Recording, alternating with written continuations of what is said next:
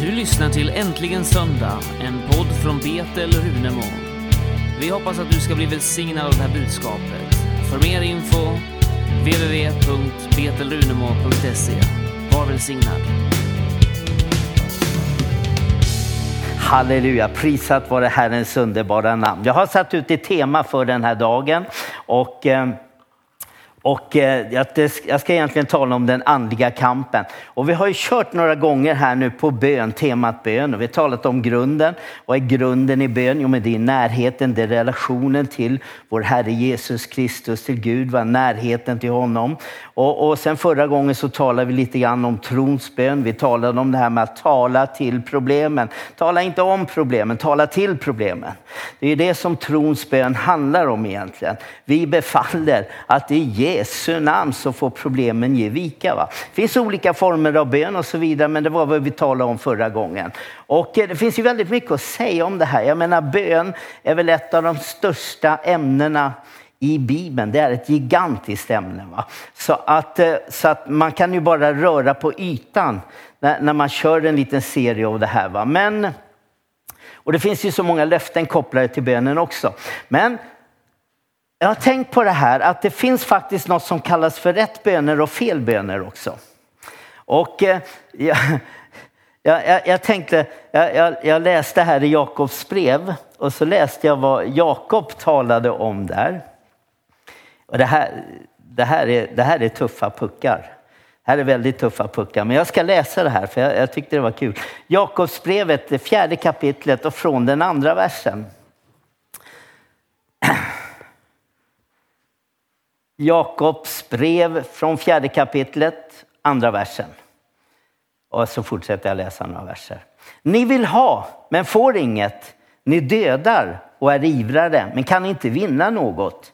Ni kämpar och strider, men har inget därför att ni inte ber. Ni ber, men får inget därför att ni ber illa, för att slösa bort allt på njutningar. Ni trolösa, vet ni inte att, en, att vänskap med världen är fiendskap mot Gud? Och den som vill vara världens vän blir Guds fiende. Eh, det här är alltså Jakob som säger detta, en pastor. Jag känner ingen pastor som skulle tala till sin församling på det här sättet. Jag menar, då skulle man skapa en kränkt grupp av människor här. Va? För att det här är tufft alltså. Det här, ni ber, ni, ni ber men ni får inget för ni ber illa. Va? Eh, eh, jag menar, men, men det, vad han egentligen talar om här så är det just det här att ja, men, alltså, ni är i kött sättet. Va? Ni spelar på fel planhalva. Vänskap med världen är fiendeskap mot Gud. Lever vi på den här världens vis handlar allt om att vi ska njuta och må bra. Handlar allting om mig och mig själv och, och, och, och liksom det som rör mig på något sätt. Var är Gud någonstans? Var är Kristuslivet? Var är vandringen i anden? Var finns Guds rikes perspektiv i alla era böner? Handlar allt om jag här och nu? Det är faktiskt det han talar om här, Jakob. Och, och, och liksom, det finns alltså...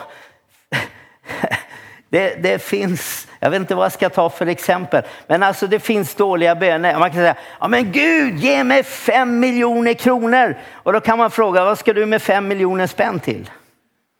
För att slösa bort på ett liv i njutningar.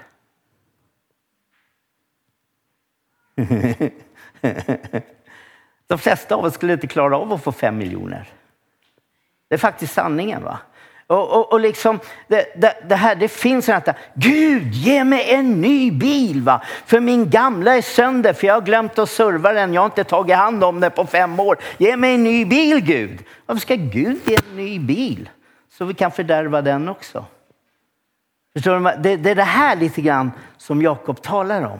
Det finns fel böner och det finns rätta böner. Eh, böner utifrån köttet, utifrån, eh, som inte handlar om Guds rikes perspektivet kan ibland bli fel. De kan bli kötsliga, de kan bli själviska. Jag hörde om en, en här, här är faktiskt en sann historia, det är ganska otroligt. I Texas så var det en församling, en syster i en församling, hon startade en församling. Hon var alltså pastor där och hon hade fått i sin ande att hon skulle gifta sig med Kenneth Copeland. Men det var bara ett problem. Kenneth Copeland var ju redan gift med Gloria Copeland. Och hennes sätt att handskas med det här då, det var att hon helt enkelt förbannade Gloria Copeland i sina böner. Att hon skulle dö. För Gud hade ju sagt till henne att hon skulle gifta sig med Kenneth Copeland. Hon hade till och med en, en andlig vigsel i sin församling. Där hon andligt gifte sig med Kenneth Copeland. Nu är det här ett extremt korkat exempel, eller hur? Men det här är alltså sant. Eh, eh, eh, jag, menar, vadå? Då, då har man kommit in lite grann i fel perspektiv. Då är man lite inne på vad, vad, vad handlar det här om egentligen? Det här med böner. Den största kampen vi har, vi har talat om den andliga kampen idag. Den största kampen vi alla har, det är inte mot förstar och väldigheter och ondskans andemakter. Den största kampen vi har, det är mot vårt eget kött. Det är mot våra egna begär. Och köttet kan aldrig behaga Gud, kommer aldrig att behaga Gud. Galaterbrevet 5 säger så här, ty köttet söker det som är emot anden och anden söker det som är emot köttet. De två strider mot varandra för att hindra er att göra det ni vill. Så det är köttet som hindrar oss från att vinna seger många gånger. Det är köttet som hindrar oss i våra böner många gånger. Det är köttet som hindrar oss från att flöda fritt i den helige ande. Det är köttet som står i vägen. Va?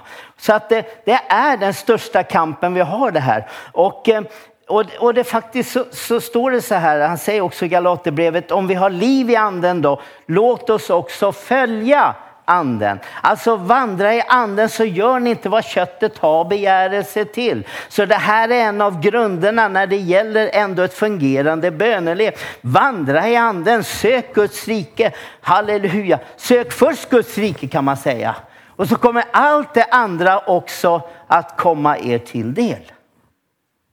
Eh, så vad faktiskt vad Jakob talar då om i den här texten. Jag skulle aldrig tala så till den här församlingen. Dels så vet jag att ni är underbara människor. Jag vet att ni är bedjande människor. Många av er här i församlingen. Men vad Jakob talar om här, det är ändå det här att om dina böner, eller om du lever i köttet så blir dina böner lätt felaktiga och därför dåliga. För de grundar sig inte på gemenskapen och närheten till Gud. Det är inte bön som tillbeds i ande och sanning. Och det är tillbedjare i ande och sanning som Herren vill ha. Eller hur? Så att eh, sen, sen, sen vi är inte perfekta. Självklart, vi har alla bett utifrån själviska motiv. Ja, men det har vi gjort. va? Och, och jag menar, Gud är nådefull och barmhärtig. Han slår oss inte för det. Va? Men, men, men liksom, eh, eh, ändå så vill jag ändå lyfta upp det här. Alltså. Vi har alla haft våra svackor i bönelivet. Det har vi allihop. Det finns ingen fördömelse för den som är i Kristus Jesus. Och om jag då är mitt i en svacka och jag ropar till Gud i min nöd så självklart kan ju Gud svara på mina böner i alla fall. Amen. Varför då? För att han är en god Gud. Men vad jag vill säga det är att om du vill verkligen uppleva det här, om du vill vandra in i det här livet, om du vill ha en bönens och nådens ande verksam över ditt liv, då behöver du vandra i anden. Och då måste du leva under en daglig korsfästelse. Paulus sa så här, jag dör dagligen. Så dagligen, det är en daglig kamp mot den största fiende du har och det är ditt eget kött. Amen. Men nu går vi in i den andra striden lite grann och då ska vi gå till Efesierbrevet, till sjätte kapitlet och från den tionde versen. Det här är en klassiker som vi alla har läst en eller flera gånger. Efesierbrevet 6 från vers 10. Till sist, bli starka i Herren och hans väldiga kraft. Ta på er hela Guds vapenrustning så att ni kan stå emot djävulens listiga angrepp. Ty vi strider inte mot kött och blod utan mot förstar och väldigheter och världshärskare här i mörkret, mot ondskans andemakter i himlarna. Halleluja. Så att det här är någonting, det här är en sanning som faktiskt ganska många kristna inte förstår. Eller också vill man inte höra talas om detta. Och då kan man göra som strutsen, man kan sticka huvudet i sanden. Jag ser inget, jag hör inget, men du vet det här är lika verkligt i alla fall. Skillnaden är ju att du ser ingenting och du hör ingenting. Men, men, men, verkligheten är ändå här, va? förändrar ingenting så att säga. Och Paulus, varför Paulus tar upp de här sakerna, det är för att vi ska förstå och vi ska lära oss denna verklighet. Och, eh, och en av anledningarna är för att vi inte ska bli överlistade av Satan, talar han om i andra Korinthierbrevet. För Satans avsikter känner vi ju till. Så att lära känna sin fiende, det, det, det är en klassisk krigföring. Du måste förstå att du har en fiende och du måste ha en viss förståelse av vem den fienden är. Ni hänger med mig på det va? Så det betyder inte att vi går omkring och letar demoner hela tiden. Ett tag så skulle man leta efter demoner i varje buske. Det har ju gått sådana strömningar i kristenheten. Vi behöver inte studera på det här hela tiden. Fokusera på Jesus, älska Jesus. Se till att bli uppfylld av Jesus, uppfylld av den heliga ande. Halleluja, bara tillbe, ära och upphöj honom. Det är det här som är det viktigaste av allting. Och jag kommer ihåg att när jag gick, vi gick i bibelskola i Södermalmskyrkan, vi hade Gunnar Berling, han kom in och undervisade där. Och jag kommer ihåg en sak som han sagt som jag har liksom det har följt mig hela livet. Då sa han så här, ja en del jagar onda andar hela tiden eller andemakter hela tiden. Jag jagar aldrig några andemakter, jag prisar Herren. Amen. Men kommer det några demoner i min väg, då befaller jag dem i Jesu namn, försvinn härifrån. Amen, så fortsätter jag prisa Herren. Och, och, det här är en ganska bra attityd. Vi ska liksom leva i Jesus, vi ska leva nära Jesus. Men vi måste vara medvetna om att de här mörkrets makter, de finns. Va? Och vi behöver lära oss lite grann i hur de opererar. Och lögn och bedrägeri är deras vapen. Och eh, eh Johannes 8 säger också det om djävulen att han är en lögnare, han är lögnens fader. Så det här som är liksom, det är deras, det är de vapen de egentligen har. Alltså, det blir lite, lite tyngre undervisning här nu lite grann. Va? Men vi ska, om vi nu går tillbaka till Efesierbrevet 6 och den tolfte versen eller vilken det är, så talas där om förstar, väldigheter, världshärskare och ondskans handemakter. Det finns alltså en struktur och det finns en ordning. Så det finns andemakter med en stor auktoritet och det finns andemakter med lägre dignitet så att säga. Det finns förstar över nationer, över städer, över samhällen. Det finns små demoner som skapar oreda i människors sinnen. Det finns sjukdomsandar. Det finns liksom allt möjligt det här. Va? Det finns alla möjliga varianter på det här. Nu ska inte jag uppehålla mig mycket om det här, men jag vill bara ta upp en sak. Och det är det att det här är en verklighet. Och det här är en verklighet vi faktiskt måste också förstå. I Daniels bok, i det andra kapitlet, ni kan gå dit, men det tar ett tag innan jag kommer till bibelversen jag ska läsa. Men i Daniels bok, det andra kapitlet, så talas det, du vet Nebukadnessar, kungen i Babylon, hade en dröm som ingen kunde uttyda, men sen kommer uttydningen kommer till Daniel. Och Daniel börjar här att tala om fyra stycken olika riken. Eh, och han nämner inte alla rikena vid namn, men eh, de flesta teologer och bibellärare de, de har identifierat de här rikena. Och det, det talas alltså om, och de här rikena står för olika saker. Det är också olika andefurstar. Babylon, vad Babylon står för, det är avgudadyrkan. Eh, eh, det är sån här, typ new age. Alla sådana här liksom flumreligioner eller vad man nu vill kalla det. Det här, handlar, det här handlar också om religiösa andemakter. Det är de här som tränger sig in också i, i de olika religiösa systemen och liksom för att där försöka utöva sin makt och sin inflytande. Och det gäller inte bara de stora eh, katolska kyrkan och lutherska kyrkan. Det kan tränga in i frikyrkorörelsen det här också. Va? Men det här är religiösa andemakter som vill ta bort våra ögon ifrån Jesus Kristus och börja fokusera på det som inte är verkligt. Det är det som är deras syfte. Sen har du då det andra riket, det är Persiens rike. Vet ni vad Persiens rike står för? Det står för det, står för det sin, sinnliga om man säger så. Det här det talar om lusta, det talar om eh, det njutningsfulla. Eh, det kan vara erotik, alltså, men det är inget fel med sex, eller hur? I äktenskapet så är det rätt. Va? Men det talar alltså om ett felaktigt sexuell eh, lusta, det talar om all form av lusta, alkohol, droger Nikotin, all, allt det här som man begär. Vad, vad, är det för någonting? Man söker ett självbefinnande, man söker en självtillfredsställelse. Och det här är då Persiens ande, en lustans ande efter olika saker och ting.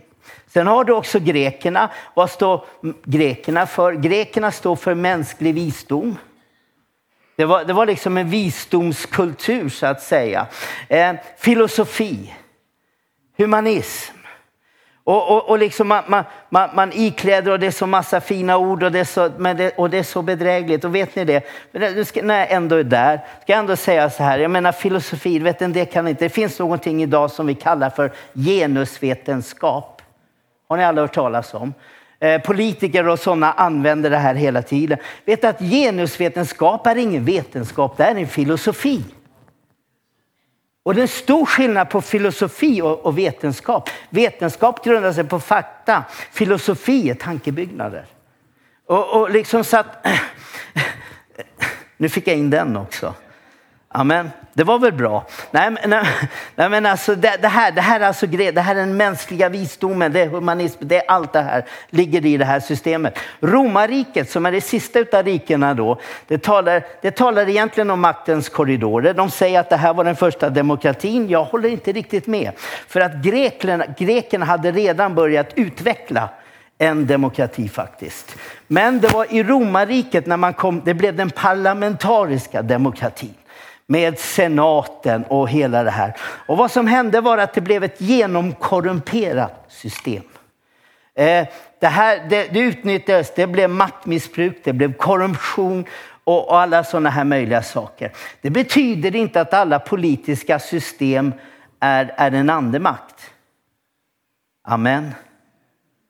Men vad jag säger det är att det arbetar, dessa andemakter arbetar igenom de politiska systemen och verkar i den här miljön. Så det här är fyra huvudfurstar. Och eh, eh, Daniel, i, i tionde kapitlet så ser vi att ängeln Gabriel mötte faktiskt två av dessa furstar. Han mötte försten över Persien och han mötte försten över Javan. Javan är det gamla ordet för Grekland. Så att eh, han mötte de här förstarna. Och, så det pågår en strid i den andliga världen. Men nu ska vi komma ihåg det här att i det nya förbundet så är det inte en strid på lika villkor. Det är inte en strid mellan jämbördiga makter. Varför inte det? Därför att Jesus Kristus har vunnit seger. Han har avväpnat härskarna och makterna. Han har gjort dem till ett allmänt åtlöje när han triumferade över dem på korsets trä. Han han har triumferat, han är segerfursten. Det här är liksom, det, de här makterna, det, det är liksom de är besegrade. Och, och, och, även Daniel såg det här. Och vi ska läsa nu Danielboken 2. Har ni hittat den ännu? Så står det där ifrån den 34 versen. Medan du såg på den revs en sten loss, men inte genom människohänder och den träffade statyns fötter av järn, av lera och krossade dem. Då krossades allt sammans. Järnet, leran, koppan, silvret och guldet. Och allt blev som agnar på en trösklåge om sommaren. Och vinden förde bort det så att man inte längre kunde finna något spår av det. Men av stenen som hade träffat statyn blev det ett stort berg som uppfyllde hela jorden. Vem är stenen? Jesus. Vad är berget? Guds rike. Amen. Så, att, så med Jesus så in, inträdde så hela historien förändrades. Hela spelplanen förändrades. Jesus är segerfursten. Halleluja! Mörkrets makter är avväpnade, men de är inte avlivade. Det är sant.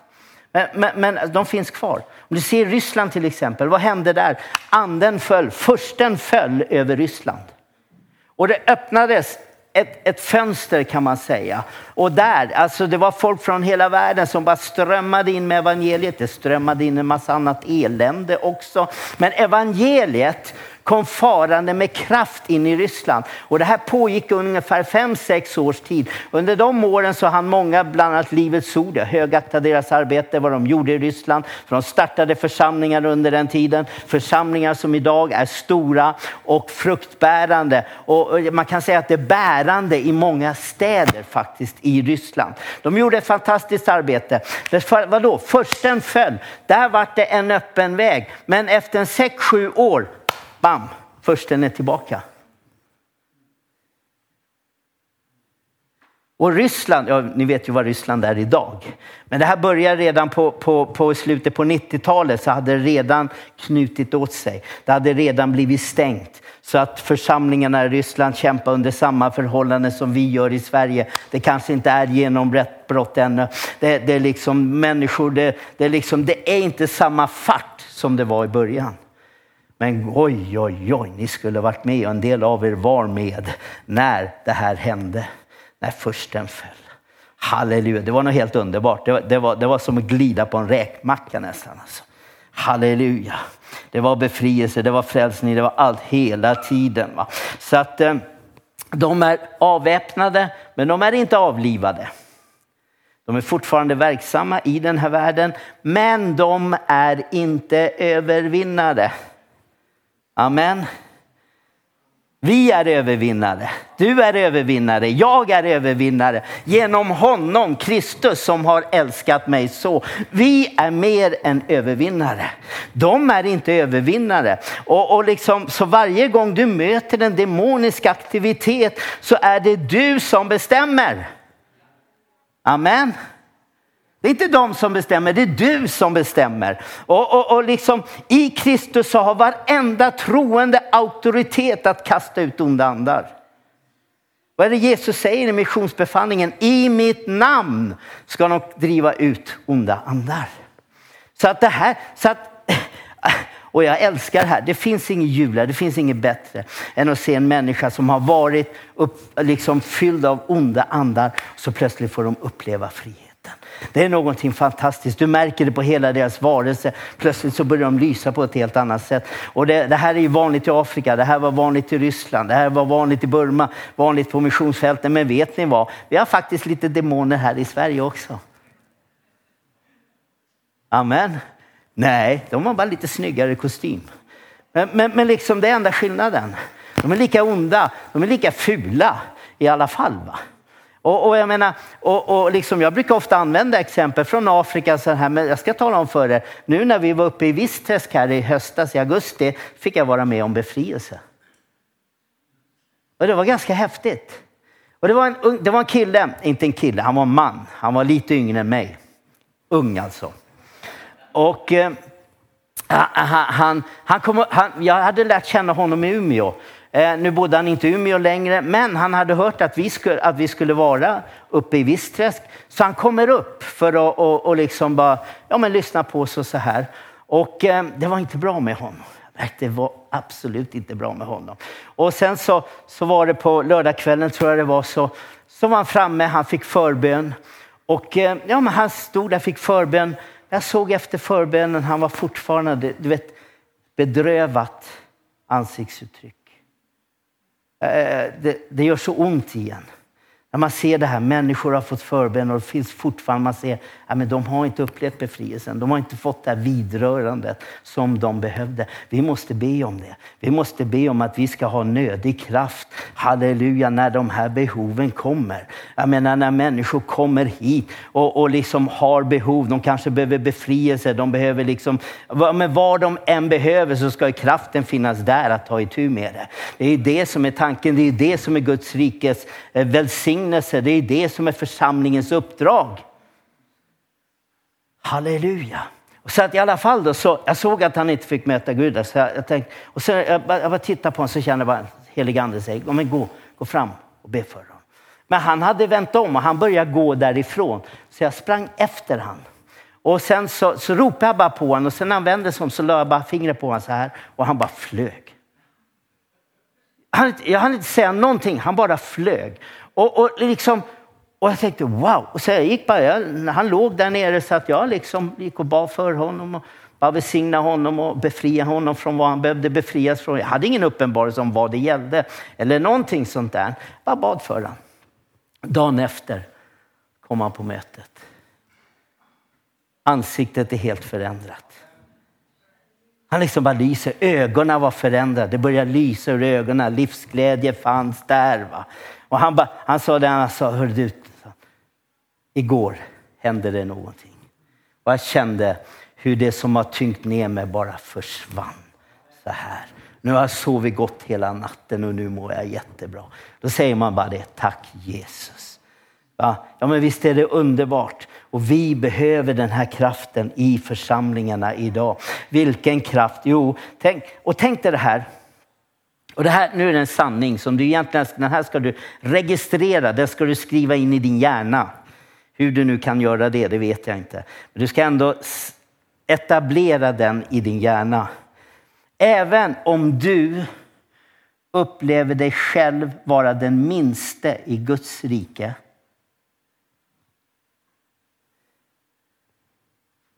Så är du ändå över alla andra riken. Amen.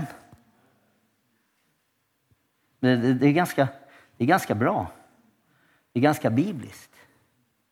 Även om du anser dig vara den minste i Guds rike så är du ändå över alla andra riken. Vad grundar du det här på? Efesierbrevet 1 och 20. Och följande verser så står det, men denna kraft verkade han i Kristus när han uppväckte honom från de döda, satte honom på sin högra sida i himlen, över alla förstar och väldigheter, makter och herradömen, ja, över alla namn som kan nämnas, inte bara i denna tidsålder utan också i den kommande. Allt lade han under hans fötter. Och honom som är huvudet över allting gav han åt församlingen som är hans kropp, fullheten av honom som uppfyller alla. Här ser vi ju Kristus, halleluja, han blev given ett namn. Han är satt över alla förstar och väldigheter och makter och herradömen. Han är över alla namn som finns att nämna. Och sen står det i Efesierbrevets andra kapitel och i den sjätte versen, han har uppväckt med honom och satt oss med honom i den himmelska världen i Kristus Jesus. Högt över alla riken. Vårt rike är större. Halleluja. Prisat vare Herrens underbara Och det här... Det, alltså andemakt är det verkliga. Förstar och väldigheter, de är verkliga. Men i Kristus har du och jag en högre position. Vi representerar Guds rike. Och min konung, han är konungarnas konung. Halleluja, min herre, han är herrarnas herre. Halleluja, han är den högste. Så nästa gång du känner dig attackerad, påminn då vem Gud är.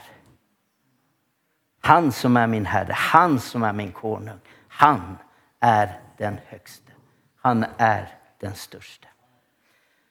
Stå fast vid den bekännelsen. Eh, Jesus är kungen, han är huvudet för församlingen. Så låt oss se vad Jesus säger om församlingen. Och vi går till Matteus 16 och vers 19. Matteus 16, vers 19. Här säger Jesus till Petrus, eh, jag ska ge dig, och det talas ju om församlingen självklart. Jag ska ge dig himmelrikets nycklar.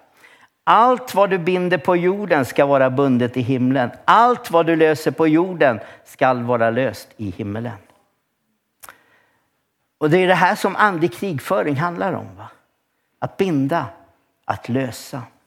Vi binder de andemakter som förslavar människor, som är ute för att ödelägga, stjäla, slakta och förgöra.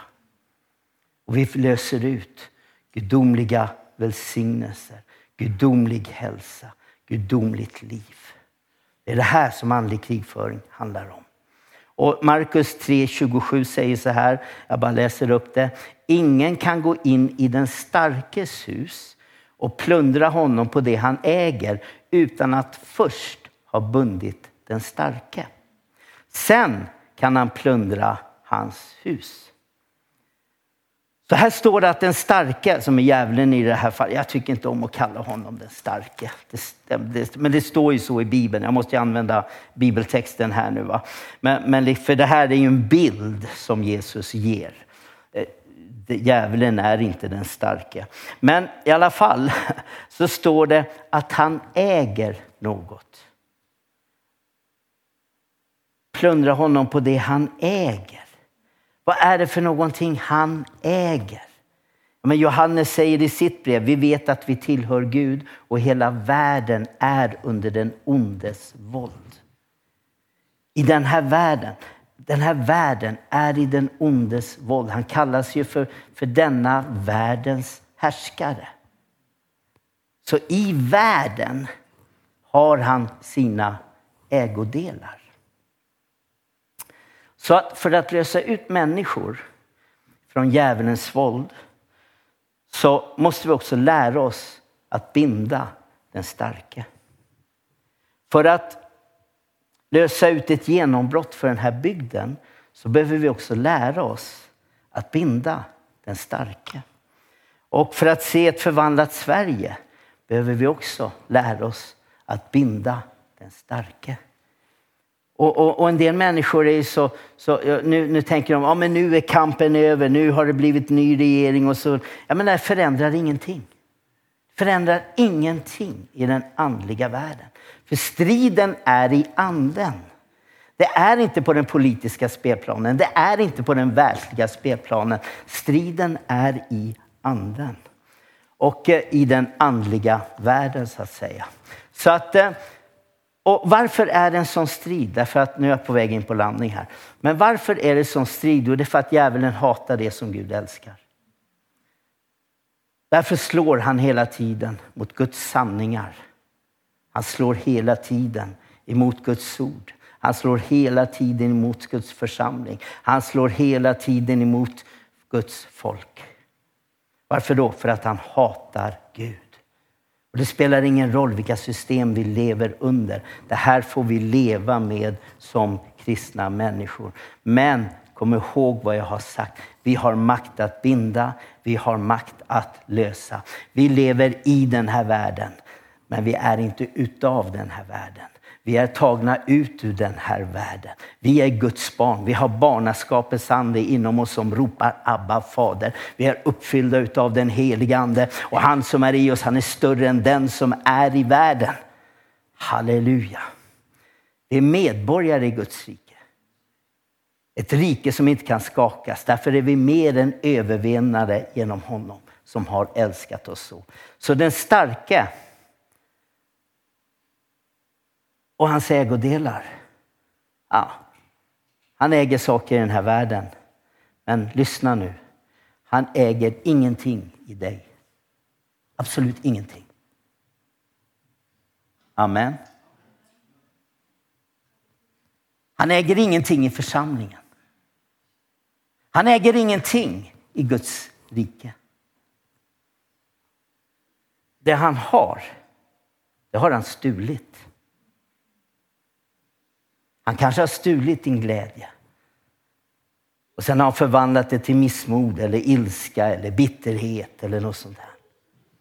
Eller han kanske har stulit friden och så har han förvandlat den här friden till oro, till fruktan. Han kanske har stulit din frimodighet. Så har han förvandlat det här till någon sorts försagdhet.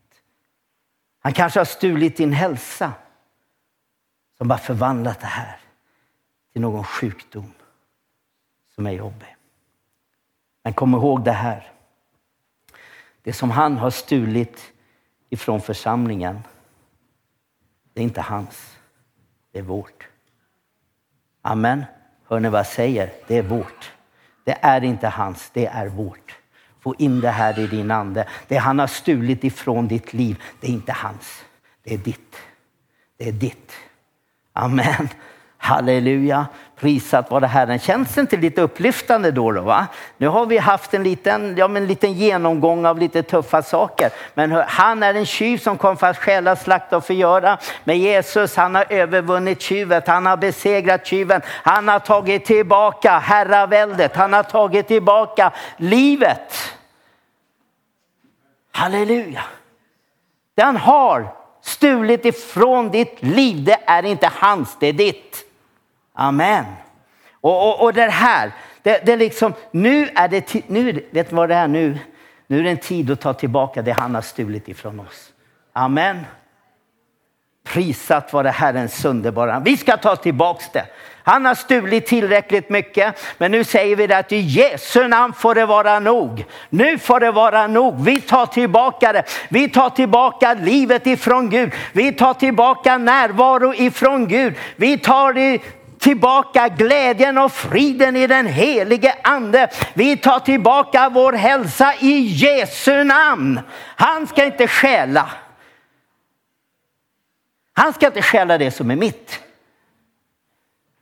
Amen. Så när de, när de kommer med de där små attackerna, nej nu Jesu namn, du rör inte det som är mitt. Håll dig på din plan halva, din nolla. Amen. Jag, jag menar alltså, det måste, du vet det duger, och det duger inte. Det duger inte att liksom bara, ja men käre herr jävel, flytta på det nu. Nu är vi tillbaka till det här, befall. Tala till problemen. Tala. Halleluja. Och sen så bekänner vi ut Guds löften över våra liv. Halleluja. Så vad avslutar jag med? Glädje och frid tillhör oss. Halleluja. Livet i den heliga ande tillhör oss. All den himmelska världens andliga välsignelser i Kristus Jesus tillhör oss. Hälsa och läkedom tillhör oss. Och ingen ska få ta det ifrån oss. Amen. Så nu får lovsångarna komma upp här. Halleluja. Och jag har sagt det i, jag, gjorde, jag, jag sa ju det när, på Facebook, så sa jag det att vi ber för sjuka. Och det är precis det vi ska göra här nu. Vi ska be för sjuka. Om det finns några sjuka här. Finns det någon som är sjuk här, man tror? Ja, men ja, precis. Jag menar, ja, men du vet, jag har ju varit framme 20 gånger. Ja, men låt det bli 21 gången då. Jag har ju varit framme 50 gånger. Ja, men låt det bli 51 gången då. Eh, jag, jag menar, för att ju vi tror, och jag är helt övertygad och säker om att Gud har gett detta till sin församling. Djävulen har stulit hälsa från Guds folk. Nu ska vi ta det tillbaka. Och det finns profetiska ord uttalade över denna församling när det också gäller det här att den här församlingen ska få vara en plats dit människor kommer och får läkedom. Halleluja, så en sån plats vill vi ha. Och det sker genom Mariadagarna. Självklart så gör det det. Ett fantastiskt arbete. Men vet ni vad? Det ska ske här på varenda möte. På varenda möte så ska vi se att någon människa blir helad. På varenda möte ska vi uppleva att Gud vidrör människor och rör dem på djupet av deras hjärtan. Halleluja. Vi kan inte nöja oss med mindre. Djävulen har stulit tillräckligt ifrån oss. Men nu är det dags. Nu tar vi tillbaks det. Halleluja, så vi ska be för sjuka. Ni får gärna köra på här och ni får gärna köra den här.